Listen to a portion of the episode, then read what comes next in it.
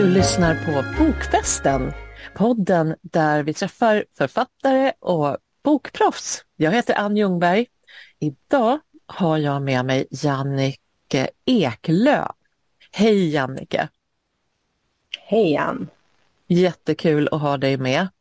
Du har skrivit en eh, viktig bok. Viktig både för dig och för människor som kanske råkar ut för samma situation. Och jag är så glad att du kommer ha med den till Bokmässan i Göteborg där vi ska dela monter. Ja, precis. Jättekul. Ska du ta och berätta lite vad det är du har skrivit och varför? Ja, jag har ju skrivit om min dotters cancerbehandling. Juva var fem år när hon fick diagnosen ALL, akut lymfatisk leukemi. Och eh, hon var väldigt illa däran då.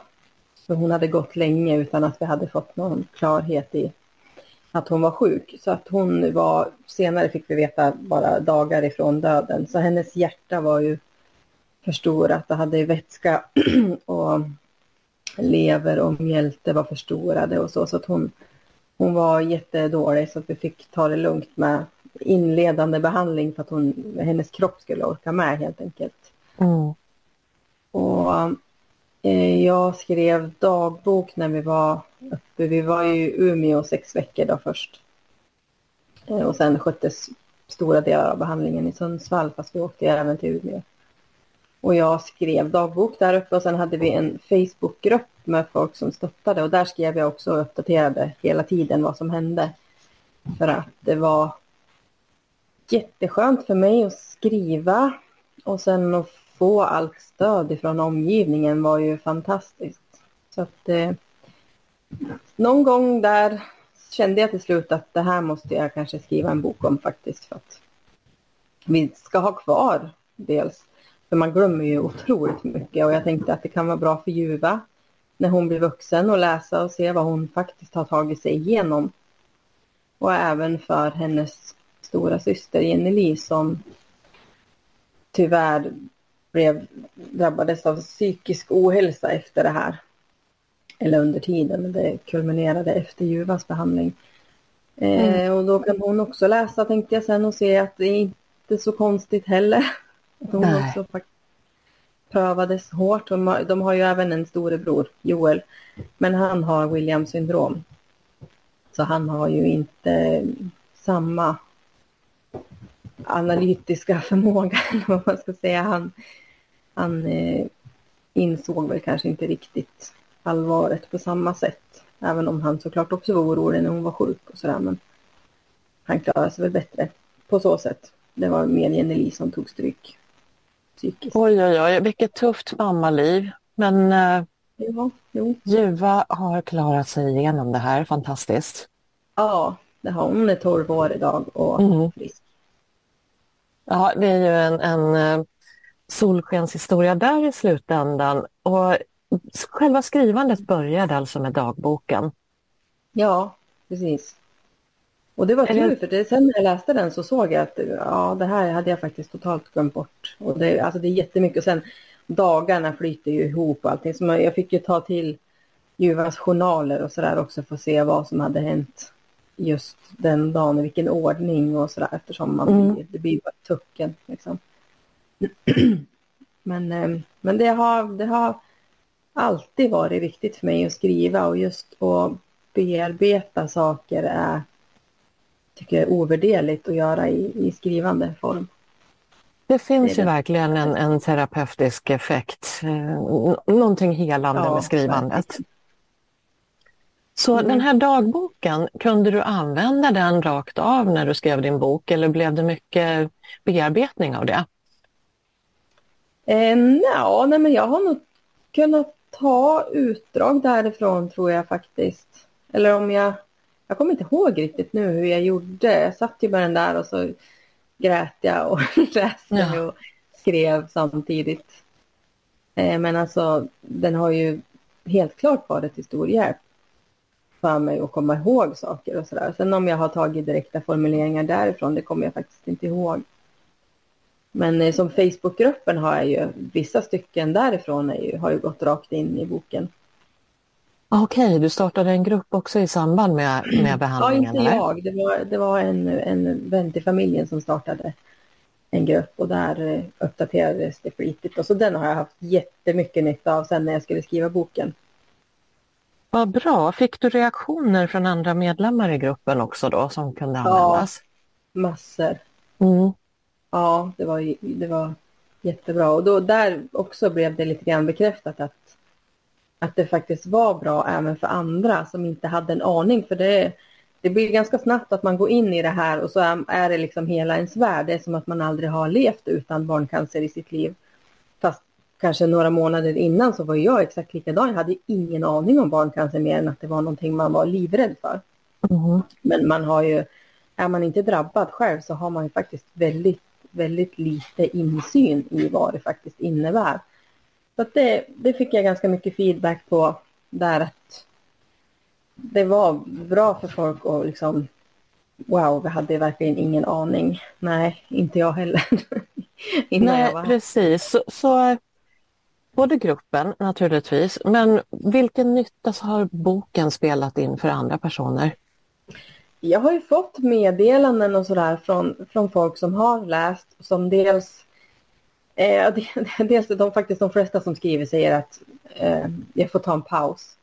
Det är jätte, jättevanligt verkar det vara att de, är, att de inte kan läsa så långa stycken utan måste ta en paus för det blir så känslosamt. Och sen eh, Sen är det andra barncancerföräldrar som också har bearbetat, eller ja, de har ju, de har ju återupplevt sina resor, om man säger, och tycker det är, är väl terapeutiskt för dem också.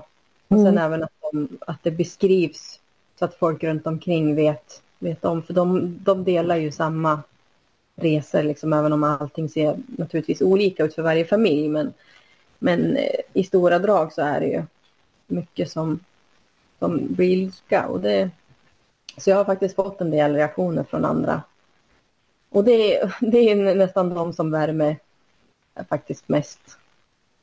Just att, att se att jag, att jag ger en rättvis bild av det på något vis. För det är någonting som är så stort. Ja, men verkligen. Och du har ju flera år tidigare än den här boken kom ut så skrev du en feelgood. Ja. Mm. Vad, vad vill du säga om det olika sättet att skriva en roman mot att skriva det här självupplevda, självbiografiska? Ja, alltså det är ju helt olika. Alltså man tänker research och allting egentligen. För att även om jag naturligtvis hade upplevda saker i den boken också. Det handlar ju om en nybliven mamma så att det var ju, jag hade väl naturligtvis tagit med vissa erfarenheter kanske eller så i den boken också. Men det är ju absolut inte på samma sätt. För här har det ju varit, eh, det här måste ju ske, liksom det måste bli rätt. Alltså där ja. kan man, i en, i en roman kan man ju sväva ut hur mycket som helst. Jag får hitta på precis vad jag vill.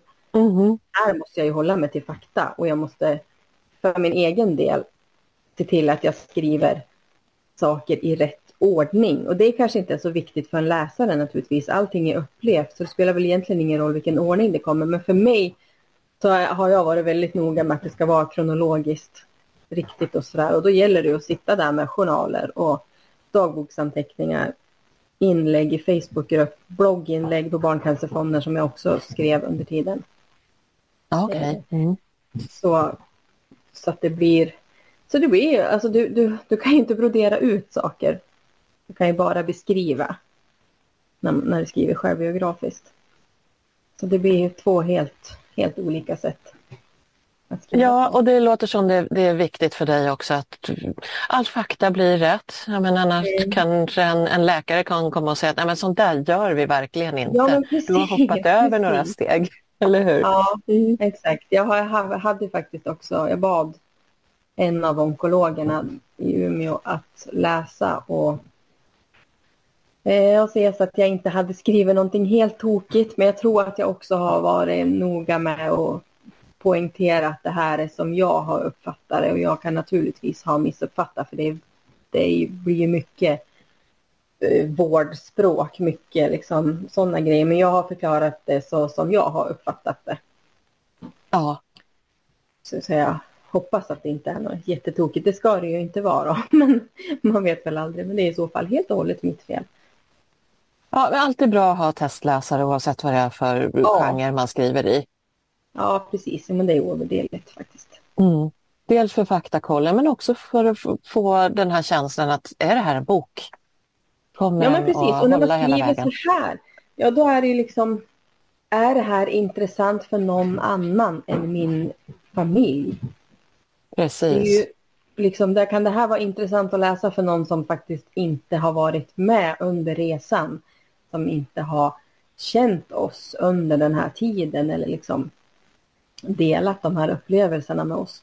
Så det, det, det är lite en skrämmande grej när man släpper en sån här bok känner jag. Att är det mm. intressant mm. för någon annan? Så det är jätteskönt sen att få det bekräftat av helt random människor att det, det här var, ja, alltså jag har faktiskt fått en kommentar om att det var den bästa dokumentära bok man hade lyssnat på. Just ja men fantastiskt, det är värme. Ja, alltså det är då, då blir man glad. Ja, så det är jätte, jätteroligt. Jag fick meddelande av en 14-årig tjej som satt och funderade på lektionerna hur det gick för Juva och skrev till mig sen att det var, det var liksom, och det är också så här väldigt, väldigt otippat. Men eh, otroligt, otroligt kul att höra. Ja, snacka om att du har berört på djupet. Mm.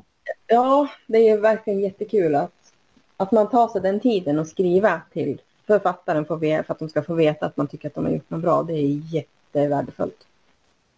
Otroligt bra gjort, tycker jag. Så mysigt att höra, verkligen. Ja. Mm. Och du håller på att skriva en bok till nu. Eh, ja. Och lite med samma utgångspunkt kan jag tänka, den terapeutiska effekten av ytterligare ett trauma i ditt liv. Ja, precis. Jo, den här boken handlar ju då om Jenny Li och hennes psykiska ohälsa, för det blev ju en resa i sig. Vi bytte ju liksom bara kamperna, om man säger mm. så. När Ljuva var färdigbehandlad så var det, då kraschade Jenny Li. Så att hon eh, blev ju hemma från skolan i ett år. Hon eh, hade självmordstankar. Hon fick, hade svår depression, svår social fobi, panikångest. Ja, så det, ingenting fungerade ju för henne. Så, ah, så förfärligt. Mm. Ja, verkligen. Så det, och det, jag tror att det är också faktiskt tyvärr en grupp som försvinner lite grann under radarn, även om jag vet att de jobbar mycket med det nu. Men alltså syskonen blir också väldigt hårt drabbade i en sån här situation.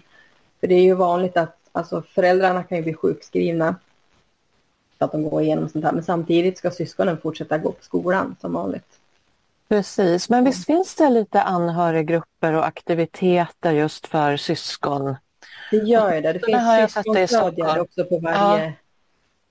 på varje ja, cancercentrum. Då. Och det, de är ju superbra. Verkligen, men det är samtidigt, alltså de är ju, de har man jättemycket nytta av medan man befinner sig där. Som vi var sex veckor i Umeå och sen var vi där var åttonde vecka i ett halvår eller ett år till. Liksom. Och då kunde Jenny Li följa med och träffa syskonstödjare. Men övrig tid var hon ju hemma. Mm. Och då, då är det ju liksom, då finns det ju ingenting. Då är hon ju utlämnad till sitt öde. Om man säger så. Så att det, de är jättebra men de, de finns ju tyvärr inte tillgängliga hela tiden. Nej, och det här kanske din bok också kan hjälpa till att visa på riskerna. Ja, mm. ja precis. Det vore väl jättebra det blir sådana fruktansvärda påföljder. Alltså, Jenny ska ju nu börja andra året på vård och omsorgsprogrammet på gymnasiet, men hon har ju redan gått tre år i gymnasiet. Hon har ju gått två år när hon bara fick läsa in ämnen från nian då, eftersom hon hade ett godkänt betyg när hon gick ut nian.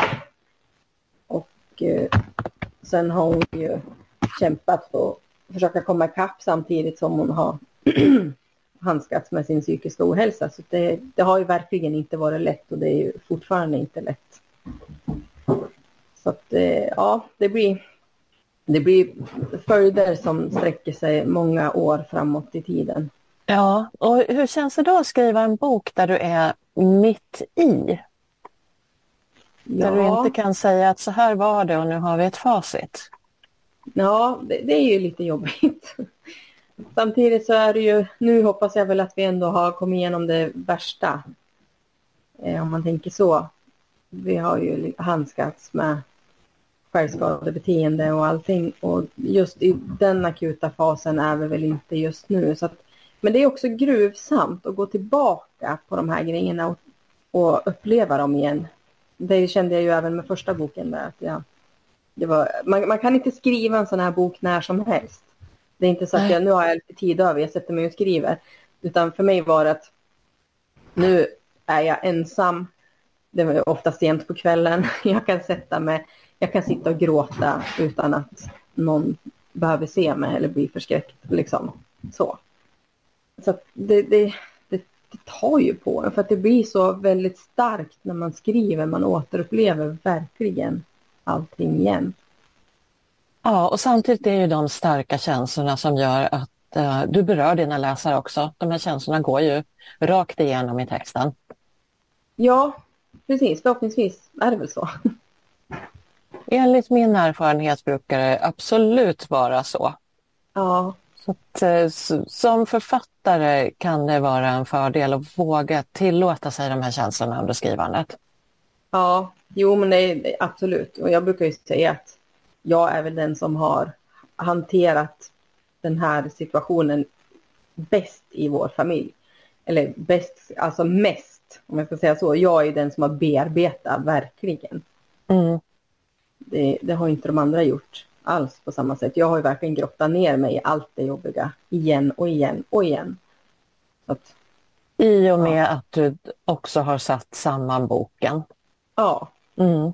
Och hur har det hjälpt dig det här att skriva bok om dina upplevelser? Eller era upplevelser ska jag säga. Ja, det, alltså det har ju verkligen hjälpt mig för jag är väl den som kan prata mest om den här tiden när mina familjemedlemmar kanske helst inte tänker på den på samma sätt. Jag kan beskriva händelser för andra utan att känna liksom ångesten. Så för jag har redan gått igenom den så många gånger så jag, jag har liksom kommit ut på andra sidan känns det som. Sen det som hänger kvar för mig är ju naturligtvis oron. Alltså för återfall och sådär. Det, det kommer man ju inte ifrån. Det kan man inte liksom, jobba bort. Men eh, just, just det som vi har gått igenom har jag bearbetat eh, ordentligt och kan ha inga problem att prata om. Och så. Nej, vad bra. Och alla ni som lyssnar, kommer ni till Bokmässan i Göteborg så kom förbi vår monter. Bertil 0606 heter den. Kom förbi och prata med Jannike. Ja, det vore jätteroligt. Gör gärna det. Mm. Och då finns naturligtvis boken. Bokmässan. Ja, men eller hur? Ja. Det är en så kul grej och jag har varit på Bokmässan sedan 2006 har jag inte missat ett år innan det blev pandemi. Yes. Men nu har jag faktiskt inte varit där på tre år så att, eh, jag ser verkligen fram emot att ja, komma tillbaka.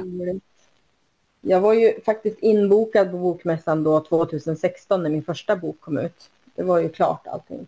Men eh, då, det var ju då vi åkte in med Juva två veckor efter att boken hade kommit ut. Så det var ju bara att lägga det där med nybakad författare på hyllan. liksom, det blev ingenting för mig det.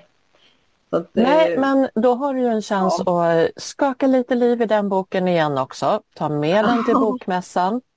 Och jag tror ja. att det kan vara ypperligt att köpa ett bokpaket av dig. Dels den tunga bearbetningen och så få som bryta upp det med din feelgood. Ja, men det låter väl väldigt lämpligt tycker jag. Eller hur? Ja, jag ser verkligen fram emot att få träffa dig på riktigt. Ja, men det är jag också. Det ska bli superkul.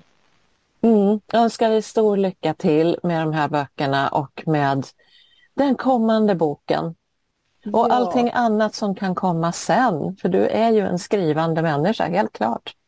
Absolut. Jag har några andra böcker på G uppe i huvudet också, men de får komma efter det här. tror jag. Härligt. Stort tack Jannike! Tack så jättemycket.